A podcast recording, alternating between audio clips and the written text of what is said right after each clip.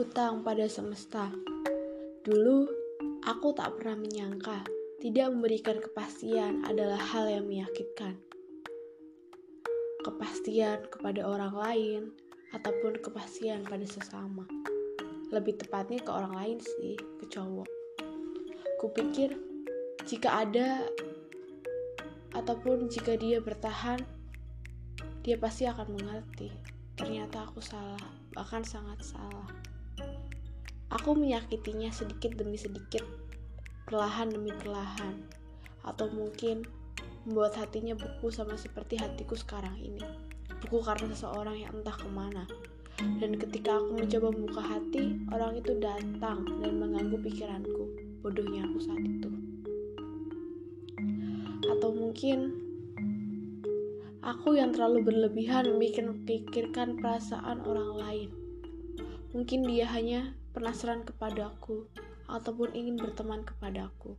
Berulang kali aku meyakinkan diriku sendiri dengan kata-kata seperti itu, agar aku tidak merasa berhutang pada orang lain karena aku menyanyiakan ataupun mengandungkan orang tersebut. Jika ada seseorang yang meminta kejelasan kepada aku, mengapa tidak memberikan kepastian?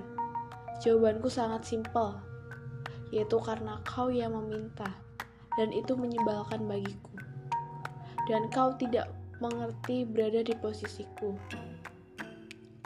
Ketika tidak memiliki rasa cinta kepadamu dan ketika hatiku sudah beku.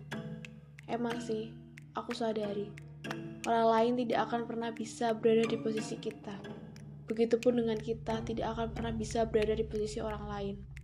Aku sadar bahwa banyak sekali yang tersakiti berada di posisiku ini. Banyak manusia yang datang dan pergi, entah penasaran atau ingin menetap menjadikanku tempat untuk pulang.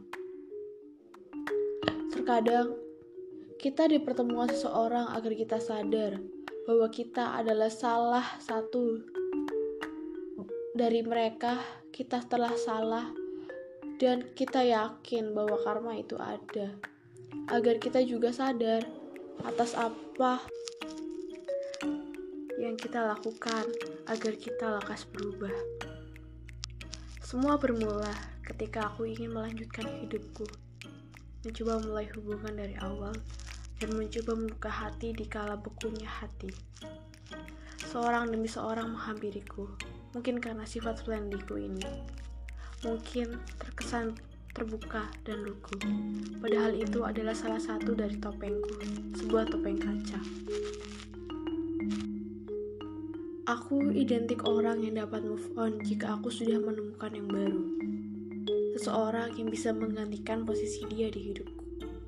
Kata orang, aku hanya menjadikannya sebagai pelampiasan. Sejak itukah aku di pikiranmu, orang lain? Padahal aku tidak bermaksud seperti itu. Dan di posisi lain aku sebagai korban. Awalnya, aku tidak mau menerima mereka yang datang menghampiriku tetapi mereka yang memaksaku karena mereka yakin dan percaya bahwa mereka lah yang dapat menghapus lukaku. Bukankah cinta yang berawal karena paksaan akan berujung dengan, dengan tidak indah? Entahlah, aku tidak mengerti.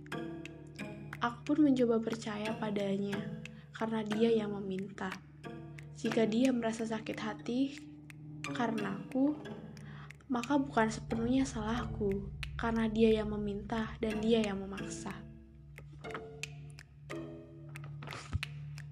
Aku sudah belajar untuk sabar, tapi ujungnya aku pun merasakan emosi. Aku sudah belajar untuk mengerti. Ternyata mengerti manusia lain sangatlah sulit. Aku sudah belajar untuk berkomunikasi tapi ternyata caraku salah.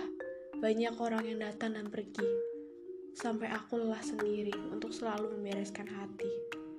Sampai orang lain yang melihatnya pun bingung. Dikira aku yang mau mempermainkan, padahal di sini juga aku korban. Buka hati untuk orang lain dan akhirnya aku menutup hati untuk orang lain. Aku pikir ini yang terakhir. Aku pikir ini nyata. Ternyata sama saja ini hanyalah mimpi semata Bahkan yang ada hanyalah hutangku pada semesta.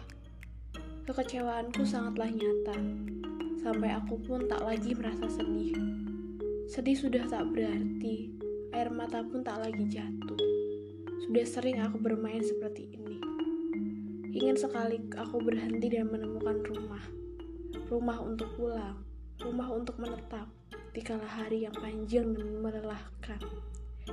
Aku ingin mempunyai rumah untuk beristirahat, tapi ternyata yang aku dapat orang-orang berkeliaran yang gak jelas menjadikan aku untuk tempat persinggahan mereka. Aku sudah pernah menutup hati, tapi ternyata tetap saja banyak orang di luar sana yang iseng menghancurkan tembokku, lalu dia pergi. Permainan yang melelahkan, dipermainkan seenaknya.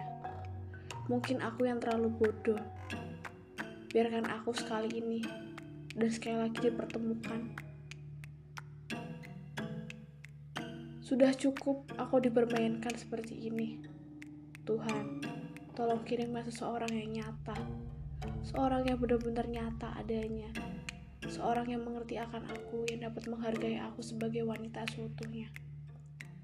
Seseorang yang bisa mengimbangi aku, begitu pula aku mengimbanginya. Seorang yang bisa menjadikanku sebagai sadarannya seorang yang bisa menjadikan dia sebagai sandaranku. Karena sejatinya aku capek bermain-main dengan hati dan banyak orang yang tak jelas ada dan tak jelas datangnya untuk apa.